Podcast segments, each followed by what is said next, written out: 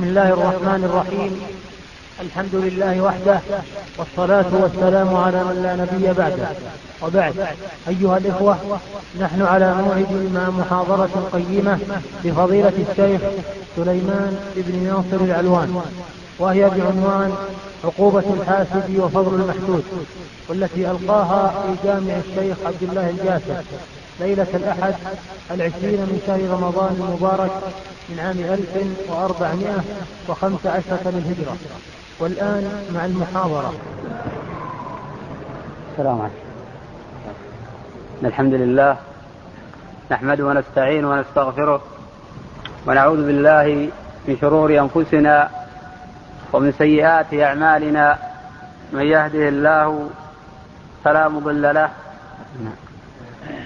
ومن يضلل فلا هادي له وأشهد أن لا إله إلا الله وحده لا شريك له وأشهد أن محمدا عبده ورسوله. أما بعد فقد ذكرنا القسم الأول في درس الأمس من أقسام القلوب لأن القلوب بالنسبة لجميع المستويات الإنسانية مؤمنها وكافرها برها وفاجرها ذكرها وأنثاها تنقسم إلى ثلاثة قلوب. القلب الأول تقدم هو القلب السليم. وأما القلب الثاني فهو القلب الذي بضد ذلك. وهو القلب الذي لا حياة به البتة. وهذا قلب والعياذ بالله الكافر. قال تعالى وقالوا قلوبنا غلف بل لعنهم الله بكفرهم فقليلا ما يؤمنون. معنى قوله تعالى قلوبنا غلف أي لا تعي الحق ولا تقبله. وهذا شأن النفوس البطالة التي لم تخلق للآخرة إنما خلقت لتصهر في نار جهنم. شأن القلوب الكافرة شأن القلوب المنافقة شأن القلوب العلمانية شأن القلوب البعثية شأن القلوب الشيوعية شأن القلوب الرافضة الذين يسبون أبا بكر وعمر رضي الله عن الصحابة أجمعين. فمثل هذه القلوب لا تطهر إلا في نار جهنم. أعاذنا الله وإياكم من ذلك. وأما القسم الثالث أو القلب الثالث فإنه القلب الذي فيه مادتان وهذا غالب أيضا على كثير من النفوس. فيه مادة خير وفيه مادة فساد. فيه من الخير من محبة الله ومحبة رسول الله صلى الله عليه وسلم وفيه من الشيء الشر الشر الكثير كالحسد والكبر والغضب والشهوة وما يلحق بذلك. نأخذ مسألة واحدة من المسائل التي تفسد القلب وتعيق سيره إلى الرب جل وعلا. تارة تؤول بالعبد إلى الكفر كحسد اليهود والنصارى للنبي صلى الله عليه وسلم وسيأتي. وتارة تعوق سير العبد إلى الله جل وعلا إلى حد لا يصل إلى حد الكفر ولكن يعوق عن سيره. ولا بد ولذلك تراه ضيق الصدر ضيق العطن. لا يفرح إذ الناس فرحون ولا يهنأ له بال ولا يطمئن له خاطر حتى يرى محسودة تحت التراب دفينا نتناول داء عظيما يبتلى به كثير من الفارغين. يبتلى به كثير من الرجال والنساء ألا وهو داء الحسد. فالحسد مذموم في الشرع وفي الفطر. الحسد مذموم في كلام الله وفي كلام رسول الله صلى الله عليه وسلم وفي إجماع أهل العلم. وأما الغبطة فإنها محمودة. وما هي الغبطة؟ أن يتمنى المرء النعمة. حيث لا تزول عن فلان بل تبقى كما هي على فلان ولكن يتمنى النعمة. وأما ما جاء في تسمية الغبطة حسدا في حديث ابن عمر الذي نرويه في الصحيحين وغيرهما من طريق ابن عمر ومن طريق أبي هريرة ومن طريق جمع من أصحاب رسول الله صلى الله عليه وسلم لا حسد إلا في اثنتين. رجل آتاه الله القرآن فهو يقوم به آناء الليل وآناء النهار ورجل آتاه الله مالا فسلك على هلكته في الحق. فهنا فيه استعارة أو في نوع تجوز أو فيه أن الحسد يطلق على الغبطة تغليبا. إذا دلت قرينة على أن المراد الغبطة وليس هو الحسد المذموم الذي يتمنى العبد زوال النعمة عن الغير ولو لم تحصل له هذه النعمة. أخبث أنواع الحسد حسد اليهود. يبتلى به بعض المنتسبين للدين وللحنيفية. وذلك يتمنى العبد زوال النعمة عن المحسود ولو لم تحصل له هذه النعمة. ليس بشأن تحصل له.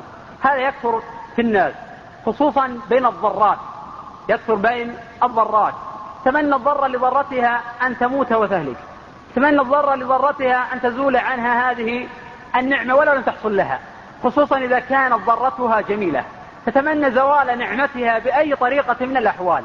ببرص بجنون بجذام بوفاة بغير طريق أي طريقة من الأحوال. هذا يعتبر من أقبح أنواع أنواع الحسد. لأن هذا الحسد هو الذي ذكره الله تماما. عن اليهود قال تعالى ود كثير من أهل الكتاب لو يردونكم من بعد إيمانكم كفارا حسدا من عند أنفسهم. لو ود كثير من الكتاب لو يردونكم بعد إيمانكم كفارا. ما كفى اليهود ولا كفى النصارى ولا كفى النفوس الخبيثة. أن تكون غير قابلة للحق غير منقادة لكلام الله وكلام رسوله صلى الله عليه وسلم. بل تتمنى زوال النعمة عن النبي صلى الله عليه وسلم وعن الصحابة أجمعين. يردونكم كفارا ماذا؟ حسدا. من عند أنفسهم بعد ماذا؟ بعدما تبين لهم الحق. بعدما تبين لهم الحق. والعجيب أنهم يعرفون الحق ولكنهم لا يعملون به. ذكرنا في درس الأمس الأسباب الجالبة. الأسباب الجالبة لصفاء القلوب ونقاوتها. باعتبار الأسباب الجالبة يتبين الضد وبالضد أو الضد يظهر حسن الضد وبضدها تتبين الأشياء. ولذلك الله جل وعلا وصف اليهود ووصف النصارى في مواضع متعددة من النفاق. فهم يفرحون بزوال النعمة عن المسلمين. ويهود اليوم أخبث من يهود الأمس اليهود الذين في عصرنا سواء تسموا باليهود أو تسموا بالنصارى أو تسموا بالبعثية أو تسموا بالعلمانية أو تسموا بالاشتراكية أو تسموا بالشيوعية هم أخبث من اليهود الذين هم في عصر رسول الله صلى الله عليه وسلم. اليهود الذين في عصر النبي صلى الله عليه وسلم قد باين النبي صلى الله عليه وسلم بالعداوة وظاهروا على ذلك. يهود اليوم لا يتسمون باسم الإسلام ويظهرون شعائر الإسلام ولكنهم يكيدون لأهل الإسلام. يتمنون الفرصة لقمع الإسلام والمسلمين والتفاف عن جذوره. هذا هو الواقع عند منافقي أبناء هذا الزمان خصوصا المنافقين الذين يظهرون الخير ويبطنون الشر. ولذلك أدنى فرصة وأدنى خطأ يقع من أهل العلم ومن أهل الدين ينسبونه للإسلام عموما كي يشوهوا سمعته عند الداخل والخارج. عند المؤمن والفاسق عند الفاسق والكافر. لماذا؟ حتى يعذروا عند الناس. ولا فهم يعلمون قطعا أنهم غير معذورين عند الله جل وعلا. فتراهم يكيدون مطلقا. إما للآمرين بالمعروف والناهين عن المنكر من قبل الهيئات المختصة الشرعية أو من قبل أفراد من طلبة علم وأتباعهم وسيأتي إن شاء الله بعد قليل ذكر ما جرى لأئمة الإسلام من هذا الصنف الخبيث الذي لم يخرق إلا للنار لأنه لا يألو جهدا في قمع الإسلام وفي قمع المسلمين وفي إضلال أبنائه. والعجيب أنهم يتسمون باسم الإنسان باسم الإسلام ويصبغون كلامهم الصبغة الشرعية. ولتعرفنهم في لحن القول ولكن لا يفقه هذا ولا يعيش. إلا من عرف حقيقة الإسلام الذي كان عليه النبي صلى الله عليه وسلم وأصحابه. ومثل هذا يعرف ولله الحمد ولا يخفى قد تواتر ونروي من رواية خمسة ولله الحمد خمسة عشر صحابيا عن رسول الله صلى الله عليه وسلم منهم معاوية والحديث الصحيحين وسعد والحديث في مسلم وجماعة من الصحابة ولا تزال طائفة من أمتي على الحق منصورة. لا يضر من خذلهم ولا من خلفهم حتى يأتي أمر الله تبارك وتعالى. والدين سوف يظهر بعز عزيز بعز عزيز أو بذل بعز عزيز أو بذل ذليل. عزا يعز الله بالإسلام وذلا يذل الله بالكفر. كما نروي أيضا في المسلم حتى تميم بن الداري بسند صحيح والراوي عنه سليم بن عامر. قال سمعت النبي صلى الله عليه وسلم يقول ليبلغن هذا الأمر ما بلغ الليل والنهار فلا يترك الله بيت مدر ولا بيت وبر إلا أدخله الله هذا الدين. عز عزيز وبذل ذليل عزا يعز الله بالإسلام وذلا يذل الله به الكفر ولو على يد المهدي المنتظر. وهو حقيقة لا خرافة. نروي في مسند الإمام أحمد رحمه الله تعالى وجامع الترمذي من طريق سفيان عن عاصم ابن أبي النجود عن زر ابن حبيش عن عبد الله بن مسعود رضي الله عنه أن النبي صلى الله عليه وسلم قال لو لم يبق من الدنيا إلا يوم واحد لطول الله هذا اليوم حتى يبعث الله رجلا من أمتي يواطئ اسمه اسمي واسم أبيه اسم أبي يملأ الأرض, الأرض قسطا وعدلا. بعدما ملئت ظلما وجهر وجورا ونحن في آخر الزمان نروي في مسلم حديث ابن عمر وأبي هريرة وغيرهما أن النبي صلى الله عليه وسلم قال بدأ الإسلام غريبا وسيعود غريبا كما بدا فطوبى للغرباء وهؤلاء هم الذين يسعون ليلا ونهارا. لا تهمهم نفوسهم إنما يسعون لإصلاح هذا الدين وللسعي في توجيه الأمة على توجيه صحيح ولمحاربة أعداء هذا الدين وقمعهم وإيقاف زحفهم. ولذلك الأعداء تارة ينشرون في الإعلام وتارة ينشرون في الصحف والمجلات. وتارة يتكلمون بصبغة شرعية إما على أكتاف أناس اغتروا بهم أو على غير ذلك. كل هذا ضد العلماء وضد الدعاة إلى الله جل وعلا وضد الآمرين بالمعروف والناهين عن المنكر. كما قال تعالى من شر حاسد إذا حسد الحاسد إذا حسد طغى وتكبر وتجبر. ومن ثم أمرنا الله جل وعلا أن نستعيذ من شره دبر كل صلاة. فعند النساء بسند صحيح عن عقبة ابن عامر أن النبي صلى الله عليه وسلم قال اقرأوا المعوذات دبر كل صلاة. ومن ذلك من شر حاسد إذا حسد. الحاسد إذا حسد يبغي ولا بد. وقلما تجد حاسدا يجاهد نفسه ويسعى لإصلاح قلبه. هذا قليل في الناس. نعم يوجد لا ينفى ذلك ولكنه قليل. الغالب أن الحاسد إذا حسد طغى وتجبر وسعى للضرار بالغير ما أسباب الحسد؟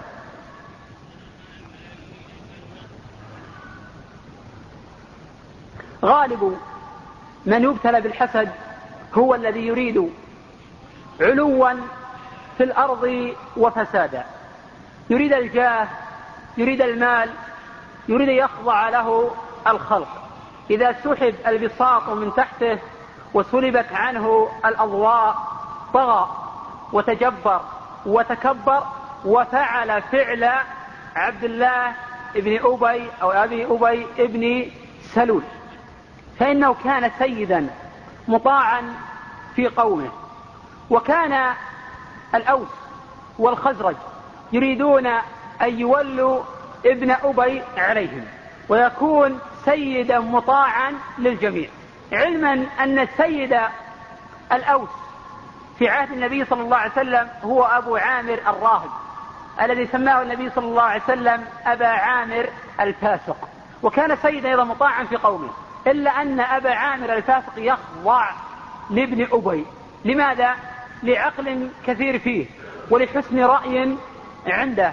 ولكنه لم ينفعه رأيه ولم ينفعه عقله لأنه لما بعث النبي صلى الله عليه وسلم وأتى النبي صلى الله عليه وسلم إلى المدينة واستقبله أهل المدينة بالبشارة والترحيب والثناء الحسن الحسن وكانوا يتنافسون أيضا على كون النبي صلى الله عليه وسلم يسكن عنده ويتولونه ويناصرونه.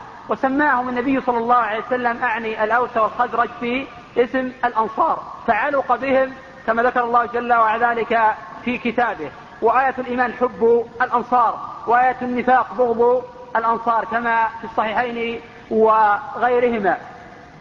لما أتى النبي صلى الله عليه وسلم المدينة وقع في نفس عبد الله من الحسد ما الله به عليم. فلم يستطع في أول الأمر أن يظهره لئلا يشكوه الناس فكان يؤلف سرا على رسول الله صلى الله عليه وسلم وكان يتلقط بعض الأشياء التي يظنها في نظره وهو خائب وغير مصيب في نظره أنها تستدرك إما على رسول الله صلى الله عليه وسلم أو على الصحابة.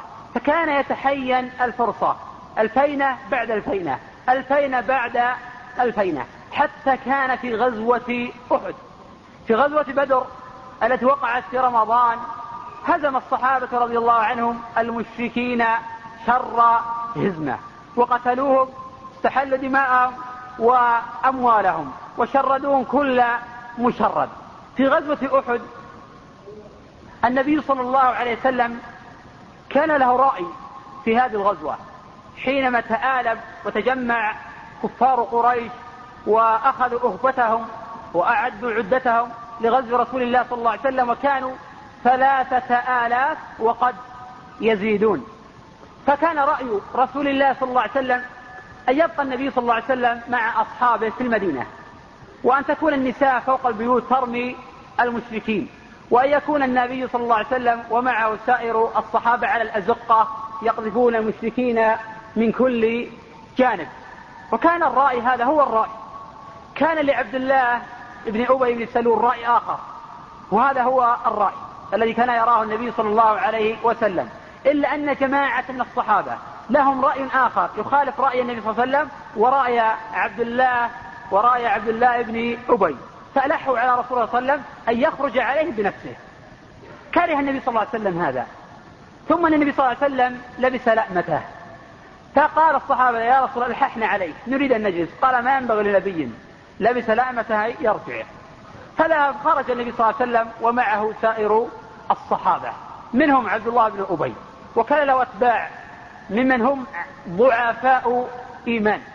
فلما كانوا بين أحد بين خيبر وجبل أحد رأى عبد الله بن أبي أن ينخزل عن الجيش.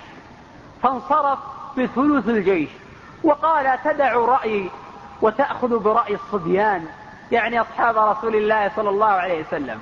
وفي الحقيقة لا يهمه هذا الرأي إنما أراد يتقي النفاق الذي كون في قلبه.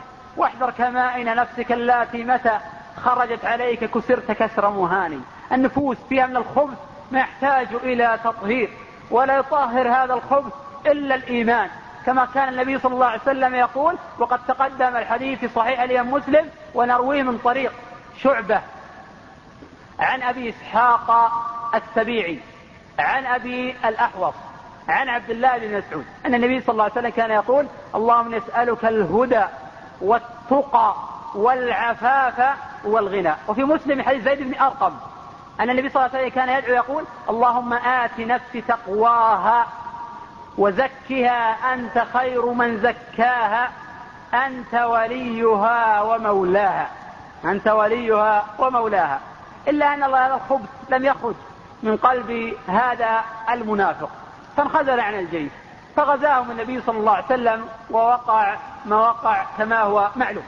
إنما نريد أن نذكر الآن فقط ما وقع من عبد الله بن أبي المنافق من الحسد العظيم للرسول صلى الله عليه وسلم. وحسد على هذه النعمة العظيمة وكان يؤلب عليه. يؤلب عليه أبا عامر الفاسق. كان يسمى بالراء في النبي صلى الله عليه وسلم الفاسق. ولذلك تبع عبد الله بن أبي جماعة من المنافقين. الباطل له أنصار في الحقيقة حتى في قديم الدهر. ولكن أنصاره إما سريعان ما يضمحل باطلهم وفجورهم أو يزيد شرهم وخبثهم ليبتلي الله جل وعلا المؤمنين بهم. ما كان الله ليذر المؤمنين على ما أنتم عليه حتى يميز الخبيث من الطيب. وما جرى أيضا للنبي صلى الله عليه وسلم من لبيد بن الأعصم المنافق اليهودي الذي سحر النبي صلى الله عليه وسلم كما تواتر سحره للنبي صلى الله عليه وسلم. في مشط ومشاطة وجف طلعة ذكر. كل هذا من أجل الحسد. وما تخفي صدورهم أكبر. وما تخفي نفوسهم من النفاق والغل على النبي صلى الله عليه وسلم وعلى أصحابه أعظم وأعظم. وما تخفي نفوس المنافقين في عهد في عهدنا هذا وفي زماننا هذا أكثر مما في نفس عبد الله بن أبي. منهم من قدر فأظهر ومنهم من أسر وتكتم ولا بد يظهره الله جل وعلا إما على فلتات لسانه أو يظهر ذلك عند وفاته حين تتخبطه الشياطين وتهوي به في الحضيض الداني. ثم أن الصحابة رضي الله عنهم يبتلى الرجل على حسب إيمانه وعلى حسب دينه بصلبتهم في هذا الدين ولقيامهم بهذا الأمر أتم قيام حتى أننا نروي صحيح البخاري من طريق هشام بن عروة عن أبيه عن عائشة رضي الله عنها أن أبا بكر الصديق رضي الله عنه قال إني أخاف إن تركت شيئا من فعل رسول الله صلى الله عليه وسلم أن يزيغ قلبي. أبو بكر وهو أبو بكر يقول إني أخاف إن تركت شيئا من أمر رسول الله صلى الله عليه وسلم أو من فعله أن يزيغ قلبي. ولذلك كان رضي الله عنه يتلو في الركعة الأخيرة. من صلاة المغرب ربنا بعد الفاتحة أي ربنا لا تزغ قلوبنا بعد إذ هديتنا وهب لنا من لدنك رحمة إنك أنت الوهاب. لأن القلوب بين أصبعين أصابع الرحمة. فنرجع فنقول إن الصحابة رضي الله عنهم لما قاموا بهذا الدين وتحمأوا عبئه ونشروا راية لا إله إلا الله في مشارق الأرض وفي مغاربها ضاقت وحرجت صدور المنافقين فسعوا للتحريض بينهم. إن الشيطان يئس كما في مسلم أن يعبده المصلون في جزيرة العرب, العرب ولكن رضي في التحريف بينهم. فلذلك المنافقون شرعوا يحرشون بين أصحاب رسول الله صلى الله عليه وسلم في نقل القيل والقال. ولكن ينبغي لمسلم أن يأخذ دروسا وعبرا من التاريخ فلا يجعل أذنه واعية لكل قيل ومقال. ينبغي المسلم أن يبني دائما أفعال وأقوال على التثبت وأن يبني دينه على التثبت الحقيقي. وأما ما يقال عن العلماء وعن طلبة العلم يجب المرء أن يبادر إلى رد حتى يتثبت مما يقال. ولولا إذ سمعتموه الله جل وعلا يندمنا لهذا الفعل. ظن المؤمن والمنافق بأنفسهم خيرا. فلذلك المنافقون شرعوا يحرشون من الصحابة رضي الله عنهم. فلوجود ثلة من المنافقين المتسترين بالنفاق. شرعوا يحرضون الصحابة ويذهبون إلى فلان قال فلان كذا وكذا وفعل فلان كذا وكذا حتى سعوا لقتل عمر ثم سعوا لقتل عثمان رضي الله عنه. ولذلك عثمان رضي الله عنه أرادوا نزعه من الخلافة. ونروي عند الترمذي بسند حسن كما حسنه الترمذي أن النبي صلى الله عليه وسلم قال لعثمان إن الله مقمصك قميص. فإذا أرادك المنافقون على خلعه فلا تخلعه. فأرادوا خلعه. فأبى عثمان رضي الله عنه امتثالا لهذا الخبر. فتسلقوا عليه بيته وقتلوه وكانت أول نقطة من الدم. تسقط وتنزل على قول الله جل وعلا والمصحف في يد المصحف في يد عثمان سيكفيكهم الله وهو السميع العليم. روى هذا الأثر ابن أبي حاتم رحمه الله تعالى في تفسيره على هذه الآية وسنده جيد. ابن كثير رحمه الله تعالى ورواته كلهم ثقات. رواته كلهم ثقات. والأمر كما ذكر ابن كثير رحمه الله تعالى. ثم لم يكتفوا بذلك فسعوا أيضا لقتل علي بن أبي طالب رضي الله عنه. ثم لم يكتفوا بذلك. فسعوا للتحريض فيما بينهم. كل هذا من فعل أهل الحسد ومن فعل فعل أهل الدغل ومن فعل أهل النفاق الذين أمر الله جل وعلا بالاستعاذة منهم. لأن الحاسد يا عباد الله لا يذهب غمه ولا يستريح حتى يحصل أحد أمرين. لا ثالث لهما. الأمر الأول أن يرى المحسود تحت التراب. الأمر الثاني أن تزول النعمة عن المحسود. فلذلك يقول فلذلك يقول السمرقندي رحمه الله تعالى تصل إلى المحسود خمس عقوبات قبل أن يصل يصل إلى الحاسد. خمس عقوبات قبل أن يصل حسده إلى المحسود. الخصلة الأولى والعقوبة الأولى. غم لا ينقطع. هذا الغم لا ينقطع أبدا والعياذ بالله. ولنذيقنهم من العذاب الأدنى دون العذاب الأكبر. ولله حكمة بالغة. حيث أن الله جل وعلا لا يجعل المحسود يسود. ولذلك كلمة العوام الحسود لا يسود. ليست هذه كلمة عامية. تداولها السلف رحمهم الله تعالى في كتبهم. قالها جمع من أصحاب رسول الله صلى الله عليه وسلم وذكر أهل العلم رحمه الله تعالى في كتبهم. هذا أمر أجرى الله جل وعلا العادة به وهذا صريح القرآن. تلك الدار الآخرة. نجعلها للذين لا يريدون علوا في الأرض ولا فسادا والعاقبة للمتقين. وأي علو وأي علو يريد هذا الفاسد اللدود الذي يكيد للإسلام وللعلماء والدعاة إلى الله جل وعلا. يريد قبع المسلمين يريد قبع أهل الدين يريد إخفاق راية الأمر بالمعروف والنهي عن المنكر يريد أن تكون ديار الإسلام بؤرة فساد. ومرتع رذيلة وأن تكون منحلة كما تشاهدون في كثير من الدول. فلذلك الخصلة الثانية مصيبة لا يؤجر عليها. كل مصائب ولله الحمد يؤجر عليها العبد. نروي في الصحيحين. من طريق الإمام محمد ابن شهاب الزهري عن عروة ابن الزبير عن أبي هريرة عن عائشة رضي الله عنها. أن النبي صلى الله عليه وسلم قال ما من مصيبة تصيب المسلم إلا كفر الله بها عنه حتى الشوكة يشابكها. أهل العلم قالوا إلا الحاسد مصيبة لا يؤجر عليها لأنه تعرض لسخط الله وتعرض لمقته. وذلك إن شاء الله أيضا الخصلة الثالثة مذمة لا يحمد عليها. هل رأيتم أحدا يحمد الحاسد على حسده؟ لا مذمة لا يحمد عليها.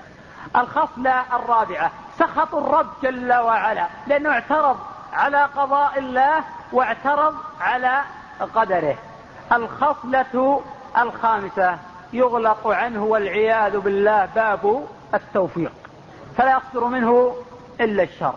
إن طلب في أمور الخير تراه لا يعين تراه لا يساعد تراه نائما. في أمور الدين في أمور الأمر بالمعروف والنهي عن المنكر في أمور القيام ضد الظلمة والظالمين. ولكن حين تحين الفرصة ليبث بعض سمومه ويظهر ويتقي بعض حسده في هذه الحالة يبرز بصيغة الناصح الأمين. صيغة الناصح الأمين. فلذلك حذرنا الله جل وعلا من هذا. الصنف. وهو في الحقيقة المحسود لا يتأثر. ما عليه فقط إلا أن أولا أن يصبر. ثانيا أن يستعيذ بالله جل وعلا من شر حاسد إذا حسد. ثالثا عليه أيضا ألا يخبر أحدا حتى يكمل أجره ويعظم قدره. ولو عرف الحاسد أن المحسود يتأثر لترك الحسد. هو في الحقيقة الحاسد يتعرض لإعلاء المحسود. حاسد دائما يتعرض لإعلاء المحسود ولكن يتعرض الحاسد دائما لقمع الضعفاء والمساكين. لا يتعرض الحاسد للأقوياء أبدا. أسد علي وفي الحروب نعامة. ربداء تجفل من صفير الصافر. هل برزت إلى غزالة في الوغى؟ أم كان قلبك في جناحي طائر؟ ولله در بعض السلف حيث يقول عداتي لهم فضل علي ونعمة. فلا أبعد الرحمن عني الأعادي. هم بحثوا عن عثرتي فاجتنبتها وهم نافحوني فاكتسبت المعالي ثم بعد ذلك المنافقون لا يزال أبون لقمع الإسلام والمسلمين. وما تعرض له سعيد بن جبير والحسن البصري وسعيد بن المسيب. أمر يطول ذكره من قبل الحسدة وأعداء الدين. حتى أن سعيد بن جبير قتله الحجاج.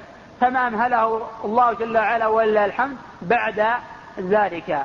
سعيد بن المسيب كان يخرج بعض الخلفاء الظلمة في أيام الشتاء ويصب عليه الماء البارد. فالحسن البصري كان يطارد وكان يهرب من بيت إلى بيت ومن منزل إلى منزل حتى عم الله جل وعلا أمر على أعدائه. ثم ما لقيه أيضا. الأئمة بعده كمالك رحمه الله تعالى كان يطاف به في الأسواق ويجلد. مالك رحمه الله تعالى كان يطاف به في الأسواق ويجلد. لماذا؟ يقول إن طلاق المكره لا يقع. فظن بعض الخلفاء يقول إن البيع لا تنعقد مع الإكراه. وحملوا كلامه. والمنافقون هم الذين سعوا بهذا. وأهل الحسد والغل الذين غاضهم ارتفاع مالك. حتى أن جماعة من السلف يقولون إن المعني بقوله صلى الله عليه وسلم يوشك أن يضرب الناس أكباد الإبل فلا يجدون عالما أعلم من عالم المدينة. هو مالك رحمه الله. تعالى. وإن كان هذا الحديث في إسناد المقال إلا أن الترمذي رحمه تعالى يقول هذا حديث حسن صحيح. ثم أيضا لقيه أيضا الأئمة بعده. كالشافعي رحمه الله تعالى أوذي أشد الأذى. حتى قيل له ألا ترد عليهم؟ ألا تتكلم معهم؟ فأنشد رحمه الله تعالى. قالوا سكت وقد خصمت قلت لهم إن الجواب لباب الشر مفتاح والصمت عن جاهل أو أحمق شرف وفيه أيضا لصون العرض إصلاح. أما ترى الأس تخشى وهي صامتة والكلب يخشى لعمري ومذبح ثم قال رحمه الله تعالى إذا نطق السفيه فلا تجبه فخير من إجابته السكوت. إن كلمته فرجت عنه وإن خليته كمدا يموت. فتركهم رحمه الله تعالى ولم يتعرض لهم قل موتوا بغيظكم. لا أمثل من كون الإنسان يعرض عن حاسده حتى يموت بغيظ. هو لا يضره مهما سعى.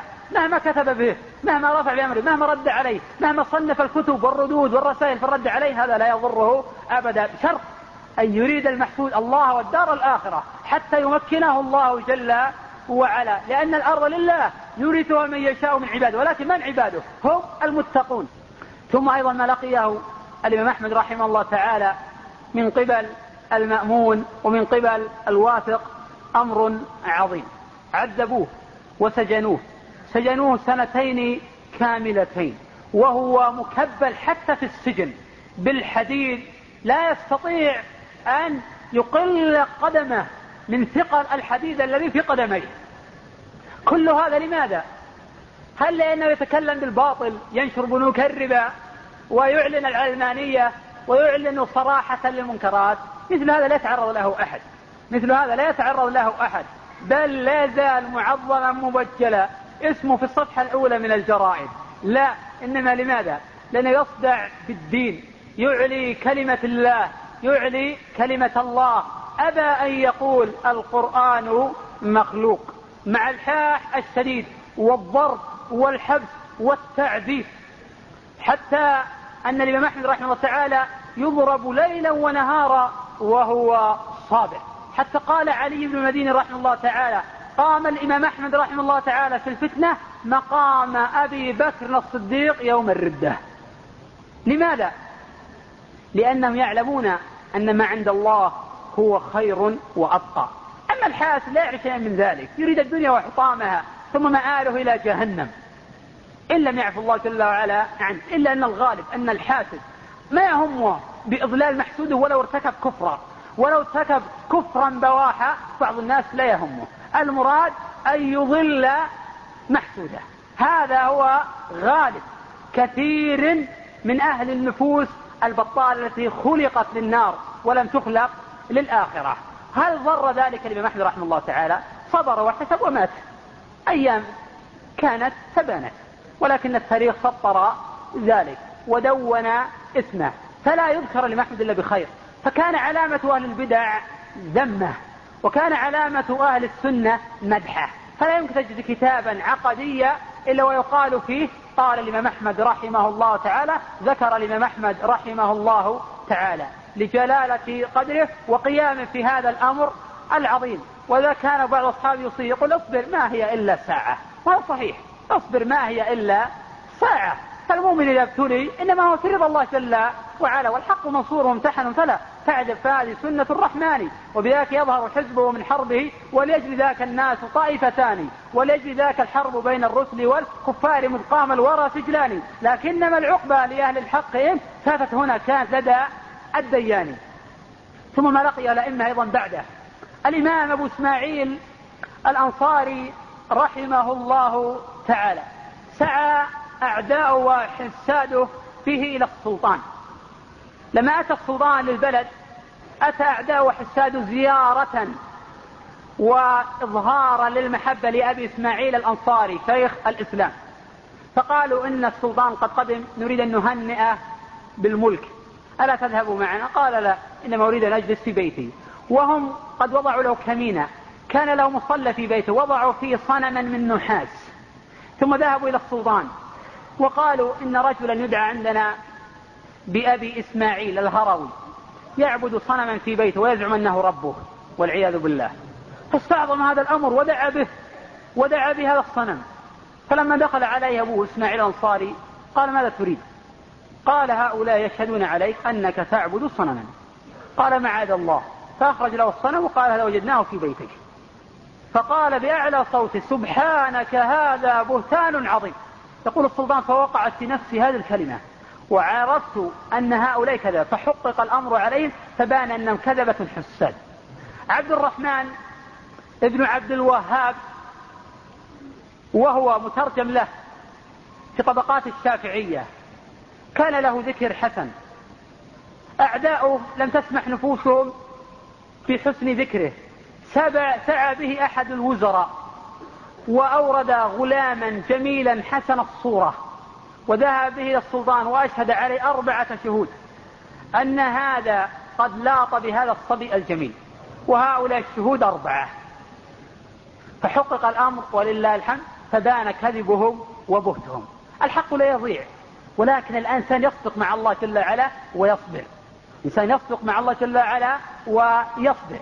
وبعد ذلك ينصره الله جل وعلا ولو بعد حين. إنا لننصر رسلنا. هذا قول الله جل وعلا. ليس قول فلان ولا علان. والذين آمنوا في الحياة الدنيا ويوم يقوم الأشهاد. فلذلك أيضا شيخ الإسلام ابن تيمية رحمه الله تعالى سعى به أعداؤه طيلة حياته وهم يؤلبون عليه.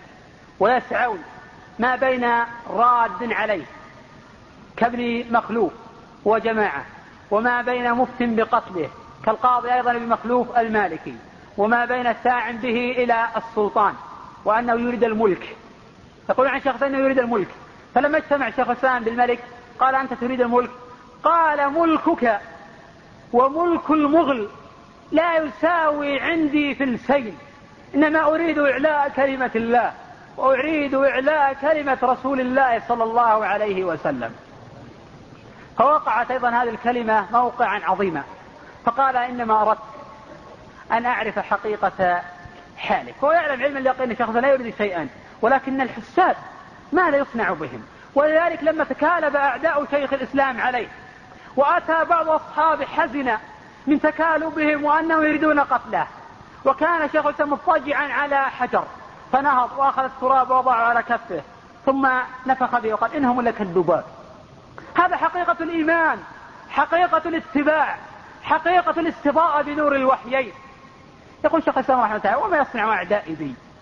إن قتلوني فقتلي شهادة وإن سجنوني فسجني خلوة وإن أخرجوني فإخراجي سياحة. إن كتاب الله وسنة رسول الله صلى الله عليه وسلم في صدري. إذا ما يصنع الأعداء به إذا كان أمره هكذا وأمر المنافق لازم بد يكون فرطا. لا حيلة لهم به لا حيلة لهم به. يبلغ الدين وينصر الدين ولو كان مسجونا. ولذلك لما تكالب أيضا عليه أعداؤه قيل ذلك لشيخ الإسلام. قال رحمه الله تعالى لو لم تكن لي في القلوب مهابة لم تفتح الأعداء في وتقدحوا. صحيح هذا.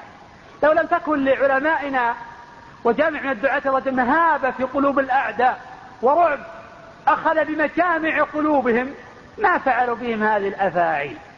دل ذلك أن لهم مكانة عظيمة في القلوب وأن لكلامهم وقعا في الصدور. ولذلك إذا رأيت الناس يتكلمون في شخص ما خصوصا أخص من كان من أبناء نجد لا بد يكون لكلامه وقع في القلوب ولا بد يكون كلامه في الغالب حقا موافقا لكلام الله وكلام رسول الله صلى الله عليه وسلم. لا عصمة لأحد لا ندعي عصمة لأحد. من الذي تربى سجايا كلها؟ كفى بالمرء نبلا تعد معايبه. إنما العبرة بكثرة الصواب.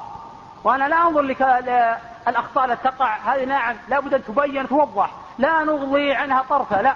توضح وتبين. إنما العبرة بكثرة الصواب ودليل على قوله صلى الله عليه وسلم لما قيل له خلأت القصوى. قال ما خلأت القصوى وما ذاك لها بخلق. يقول الحافظ بن حجر رحمه الله في فتح الباري على هذا الحديث والحديث البخاري لأن العالم إذا زل زلة لا تلحق به زلته. لماذا؟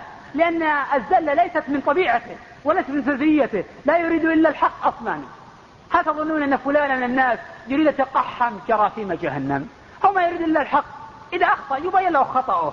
أما التبديع والتضليل والتشهير وإلحاق التهم والألقاب التي هم أحق بها وأهلها مثل هذا ما يليق بشخص ما يتسمى باسم الإسلام.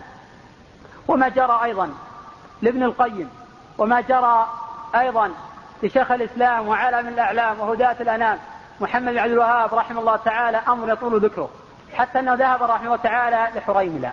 وسعى به جمع من العبيد يريدون قتله وتسلقوا سور بيته فهرب رحمه الله تعالى وذهب إلى العينة. كل هذا بفعل الفساد.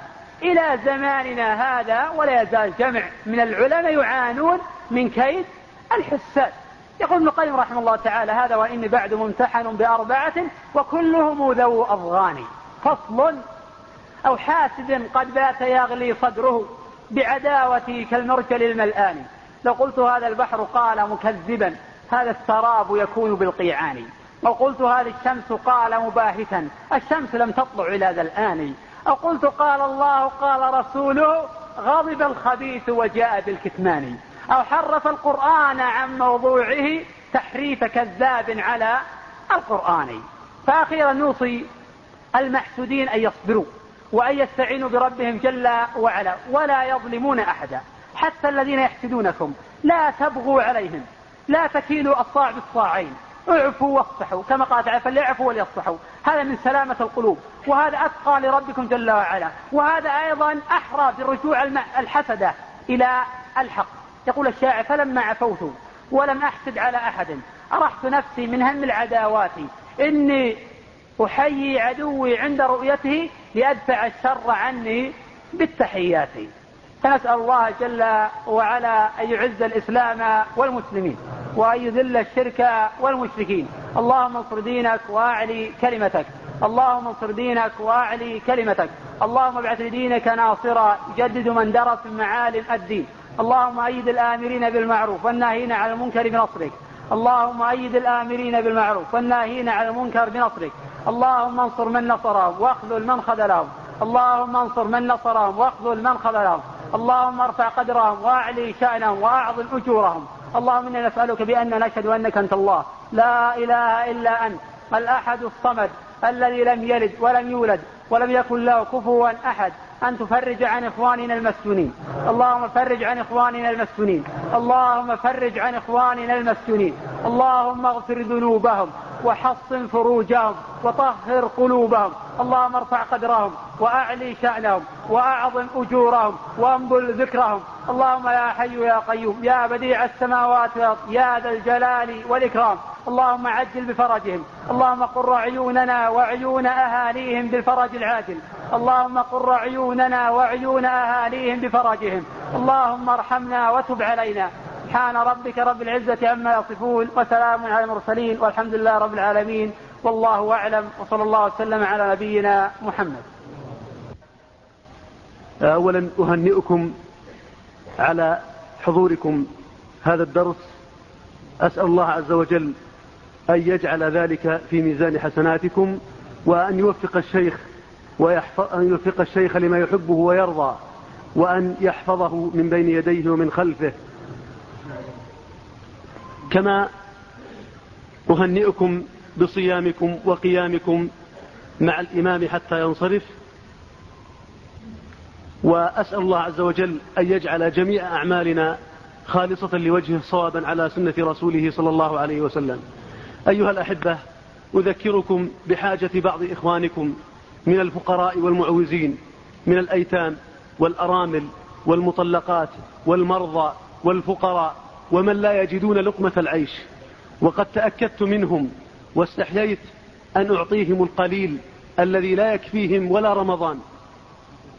أرجو أن تتبرعوا وأن تتصدقوا وأن تؤدوا زكاة أموالكم لإخوانكم واطمئنوا أنها إن شاء الله ستصل إلى مستحقيها الحقيقيين الذين نص عليهم الله عز وجل في كتابه بأنهم من أهل الزكاة. وفقكم الله وأخلف عليكم نفقاتكم وجعلها متقبلة إن شاء الله وجعل رزقكم حلالا ومطعمكم حلالا ورزقكم الله عز وجل إيمانا صادقا وقلوبا خاشعة وألسنة ذاكرة وأسأله أن يرزقنا جميعا الإخلاص في القول والعمل وصلى الله وسلم على نبينا محمد.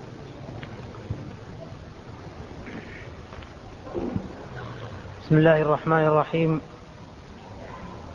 فضيلة الشيخ هنا بعض الأسئلة نعرض بعضها. فضيلة الشيخ هل لختمة هل لختمة القرآن في الصلاة وغيرها أصل؟ وإذا لم يكن لها أصل فهل يدخل في ذلك من يجعل القنوت بدلا من الختمة في آخر القرآن ويطيل في ذلك نرجو بسط الإجابة وجزاكم الله خيرا. الحمد لله وحده والصلاة والسلام على من لا نبي بعده. السائل يسأل عن حكم دعاء القرآن في الصلاة.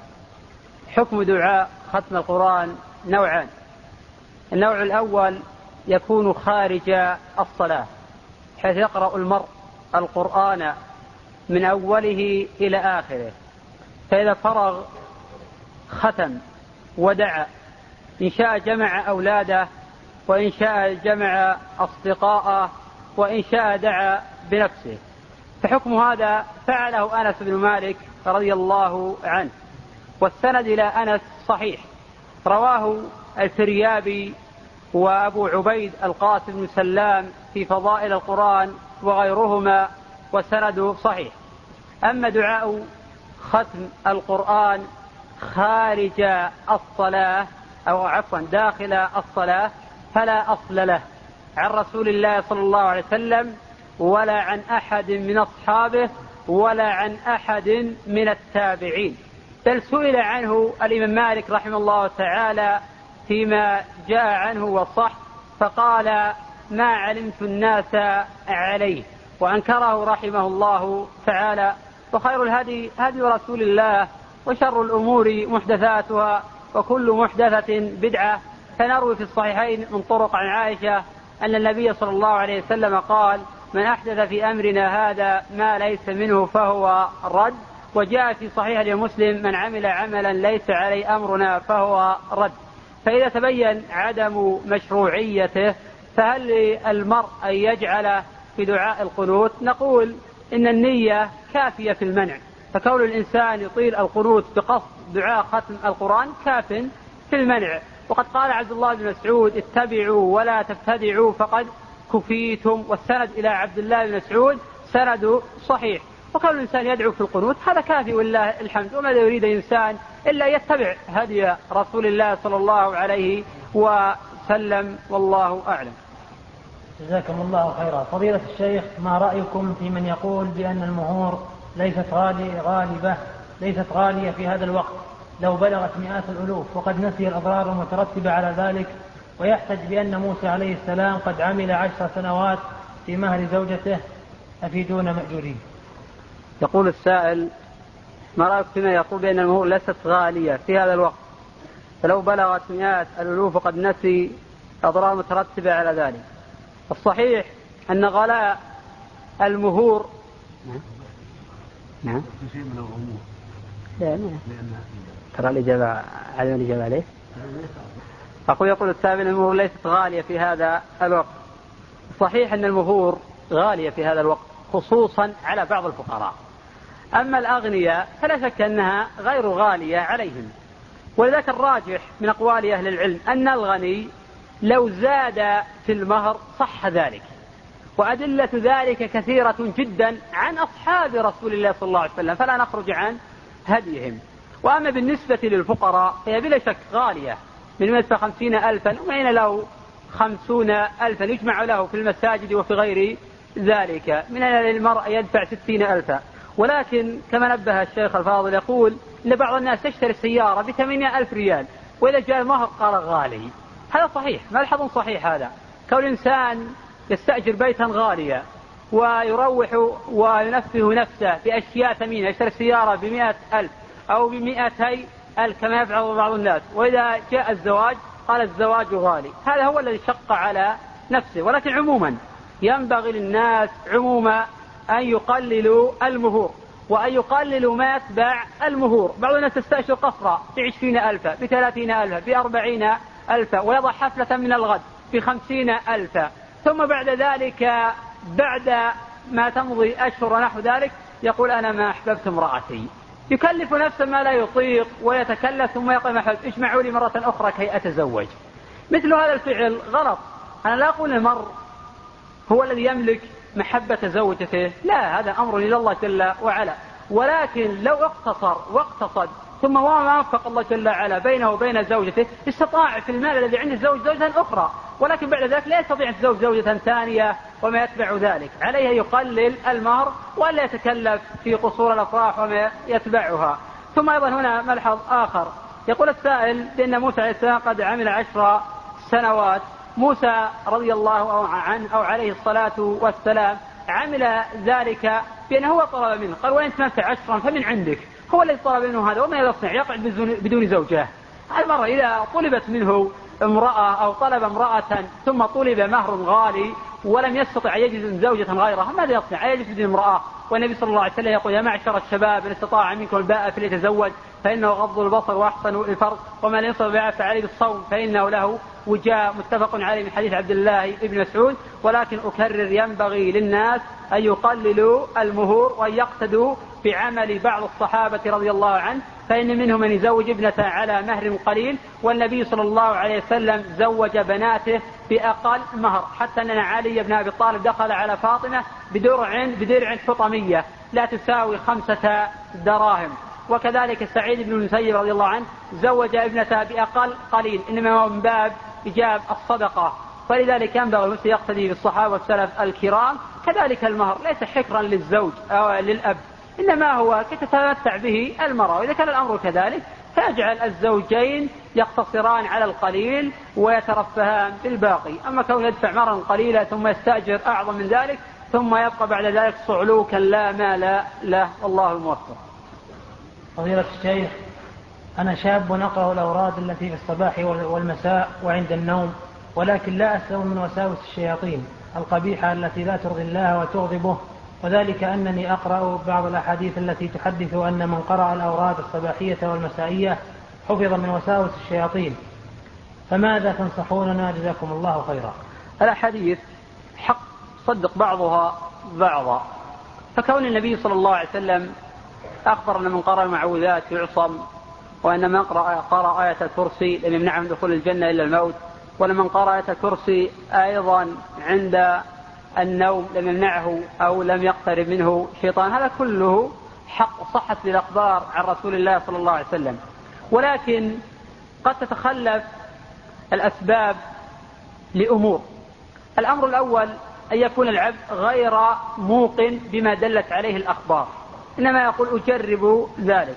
الأمر الثاني قد يكون موقنا ولكنه يذكر الله ويقرأ المعوذات والأوراد وما يتبع ذلك وهو ساهي غير حاضر القلب. الأمر الثالث أن النبي صلى الله عليه وسلم قال بأن لو تدفع الشيطان ولكن بقي أشياء أخرى منها النفس الأمارة بالسوء ومن ذلك قرناء السوء. فمثل هؤلاء يجب كبحهم في أمور أيضا أخرى. رابعا وما يدري العبد أن الأوراد لم تدفع ذلك. هي تدفع بلا شك حتى ولو لم يستحضر. ولكن قد يقل مفعولها لأمر خارجي. قد يقل مفعول أمر خارجي من قبل العبد. ولذلك ينبغي المسلم يذكر الله جل وعلا بقلب حاضر وأن يكون موقنا وأن يكون موقنا. وأما ما يتبع ذلك من كون العبد يرى بعض الأمور فهذا راجع لنفسه والأمارة بالسوء عليه أيضا بلزوم تقوى الله جل وعلا والسمع والطاعة لما جاء في القرآن ولما جاء في هدي رسول الله صلى الله عليه وسلم وإن شاء الله يدفع الله جل وعلا عنه ذلك لأن الشيطان ليس له سبيل وليس له طريق على المخلصين. وبمناسبة سؤال هذا السائل نذكر حكاية عظيمة تشرئب إليها القلوب وتفرح الأسماع بسماعها. وذلك أننا قبل قليل تكلمنا عن الحسد وما يتبعه. هناك أمر فوق الحسد وهو ما يسمى بالنحوت يسمى العائن في اللغة الصحيحة. يبتلى العبد بعائن أو بحاسد لقلة أوراده. ولكن ذكر ابن القيم رحمه الله تعالى في زاد المعاد في الجزء الرابع عن أبي عبد الله الساجي أنه خرج إما للحج وإما للغزو وله ناقة تارهة. وكان في القوم رجل عائن لا ينظر إلى شيء إلا أسقطه وأتلفه. فقيل لأبي عبد الله الساجي احترس من هذا العائن. قال لا ليس له علي سبيل. فأخبر العائن بقول أبي عبد الله الساجي. فتحين غيبة أبي عبد الله الساجي فذهب إلى ناقته ونظر إليها فسقطت إلا أنها لم تت إنما سقطت. فجاء القوم إلى أبي عبد الله الساجي فأخبروه فقال دلوني عليه. فذهب أبو عبد الله الساجي إليه لأنه رجل يورد ويعرف الأوراد وما يتبع ذلك. فنظر إليه قال بسم الله. حجر يابس وشهاب قابس. حجر يابس وشهاب قابس. اللهم رد عين العائن عليه وعلى حب أهله إليه. فارجع البصر هل ترى من فطور؟ ثم ارجع البصر كرتين. ينقلب إليك البصر خاسئا وهو حسير. فخرجت حدقتا العائن وقامت ناقة أبي عبد الله الساجي وما بها بأس. فلله دره لقوة ورده ولقوة إيمانه. كذلك ينبغي المسلم يحترس من العائن. من العائن بالأوراد النبوية وما يتبع ذلك. وذا كان السلف رحمه الله تعالى لا يخرجون لا يحرصون على خروج أولادهم الذين فيهم جمال خشية النظرة. ولا يحرصون على اجتماع بناتهم التي فيهن جمال يلفت الأنظار في المجتمعات خشية النظرة. لأننا نروي في صحيح مسلم من حديث عبد الله بن عباس رضي الله عنهما أن النبي صلى الله عليه وسلم قال العين حق ولو كان شيء سابق القدر ولو كان شيء سابق القدر لسبقته العين وأكثر موت الأمة بالأنفس والله أعلم. فضيلة الشيخ حفظه الله ما رأيكم في من يصف أعضاء هيئة الأمر بالمعروف والنهي عن المنكر بالعجلة والتسرع؟ لما يسمع من الإشاعات من بعض المجرمين والمنافقين ممن قبضت على بعضهم الهيئة مع أن مع أن من من سبر حال رجال الهيئة وأعمالهم وما يدفع الله بهم من البلاء عرف قدرهم نرجو النصيحة وجزاكم الله خيرا. سبق سأل بعض الإخوان أيضا في درس الأمس نحو هذا السؤال وبينا أن أعضاء الهيئة ومنسوبيهم والذين يتولون شؤونهم ما بين رئيس ومرؤوس يتبرؤون من كثير من الإشاعات التي تشاع حولهم. وذلك أن الأعداء يريدون التربص بهؤلاء. لماذا؟ لأنهم يقبضون عليهم ولأنهم يراقبونهم لكثرة إجرامهم ولأنهم يريدون أن تكون بلاد الإسلام والمسلمين بلاد فساد. ومرتع رذيلة. فلذلك هم يأمرونهم بالمعروف وينهونهم عن المنكر ولذلك أعداؤهم يلصقون بهم التهم التي هم أحق بها وأهلها. وبينت أيضا في درس الأمس أنه ربما يرى بعض الناس خطأ فرديا اجتهاديا. ربما يرى خطأ اجتهاديا فرديا من بعض أفراد الهيئة. ونبهت في درس الأمس أن الخطأ الفردي لا ينسب للجميع كما أن المسلم إذا أخطأ خطأ لا ينسب خطأه للمسلمين. فلذلك من أعظم الظلم أن يخطئ فرد واحد ويقال أخطأ الجميع. كما أنه لو أخطأ الصحابي كالرجل الذي يشرب الخمر ويؤتى به النبي صلى الله عليه وسلم ويجلده فقال خالد لعنه الله ما أكثر ما يؤتى به. فقال النبي صلى الله عليه وسلم لا تلعنه فإنه يحب الله ورسوله. من أعظم الظلم وأخبث الطبائع أن يقول المرء إن الصحابة يشربون الخمور. هذا من أعظم الضلال ومن أعظم الإفك ومن أعظم الفجور ومن أعظم الزور. فلذلك من يرميهم بالتسرع والعجلة لعله لا يعرف أحوالهم. إما جاهل يسمع كلام الناس ولم يتبين له حقيقة الأمر مثل هذا يعلم. وإما رجل مغرض إما رجل مغرض قد قبض عليه عدة مرات لسبب إجرامه ولسبب المعاكسات أو لشرب الخمور أو لملاحقة النساء. أو لما يتبع ذلك فيريد أن ينتقم منهم بإلصاق التهم. ولذلك إذا سمع المسلم عنهم شيئا عليه أن يتثبت وخصوصا أن رجال الهيئة يسهرون الليل ولا ينامون النهار لمصلحة شعب الإسلام والمسلمين ولدفع الظلم عن هذه البلاد ولدفع الإجرام والمجرمين. ينبغي الدعاء لهم والوقوف معهم. كذلك لا ننسى أن نذكر رجال الهيئة أنهم ينبغي أن يستفيدوا من العلماء وأن يتصلوا عليهم للسؤال عن بعض القضايا. كذلك لا ننسى نذكر العلماء أن يقفوا معه وأن ينبهوهم ولا يظهروا عوراتهم لأن إظهار العورة إظهار لعورات الأمر بالمعروف والنهي عن المنكر وهذا من الغلط البين لأن الواجب الستر وليس هو المراد الفضيحة. فلذلك ننصح إخواننا بالوقوف معهم وبالدفاع عن أعراضهم لأنهم يسهرون لمصالحنا لمصالح أبنائنا إخواننا بناتنا. فنسأل الله جل وعلا أن يوفقهم وأن يعزهم وأن يخذل أعداءهم. والله أعلم. فضيلة الشيخ السلام عليكم ورحمة الله وبركاته. وبعد ما هو الشغار وكيف يتخلص منه من وقع فيه وعنده أطفال كبار من زوجته؟ علما بأن هذا منتشر في بعض قبائل البادية. وفقكم الله. لعل إن شاء الله يكون هذا السؤال آخر السؤال يقول السائل ما هو الشغار؟ الشغار فسره نافع مولى عبد الله بن عمر والحديث في البخاري عن نافع. يزوج الرجل ابنته على يزوجه الآخر ابنته أو موليته سواء كان بينهما صداق أو ليس بينهما صداق بحيث لا يزوج الرجل ابنته إلا إذا زوجه الآخر ابنته أو موليته. أما لو وقع أن يزوج هذا الرجل ابنته على يزوج الآخر ابنته وليس بينهما اتفاقية بحيث لو رفض هذا أن يزوج الآخر ابنته زوجه الآخر ابنته. فهذا ليس بشغار.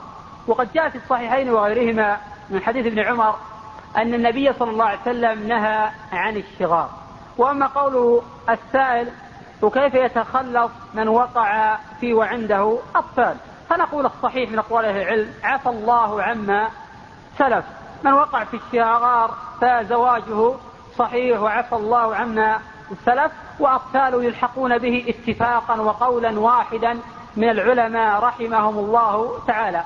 ولكن فيما يستقبل ينبغي العلم بهذه المسألة وإنكار الشغار. لكن لو قدر أن رجلا استفتى في الحال قبل يحصل أولاد وقبل أن تطول المدة نقول ينظر في المسألة. إن كان تزوج بالصفة المذكورة في الكتب الفقهية عن الشغار ففي هذه الحالة يعقد النكاح من جديد باعتبار أن النكاح لاغي لأنه زوجه ابنته على زوج الآخر ابنته. وقد تكون المرأة رافضة. أما إذا كانت راضية فهذا أيضا على القول الراجح أنه ليس بشغار إذا لم يكن عن مواطأة وليس عن شروط. والله أعلم. وصلى الله وسلم على نبينا محمد وعلى آله وصحبه أجمعين.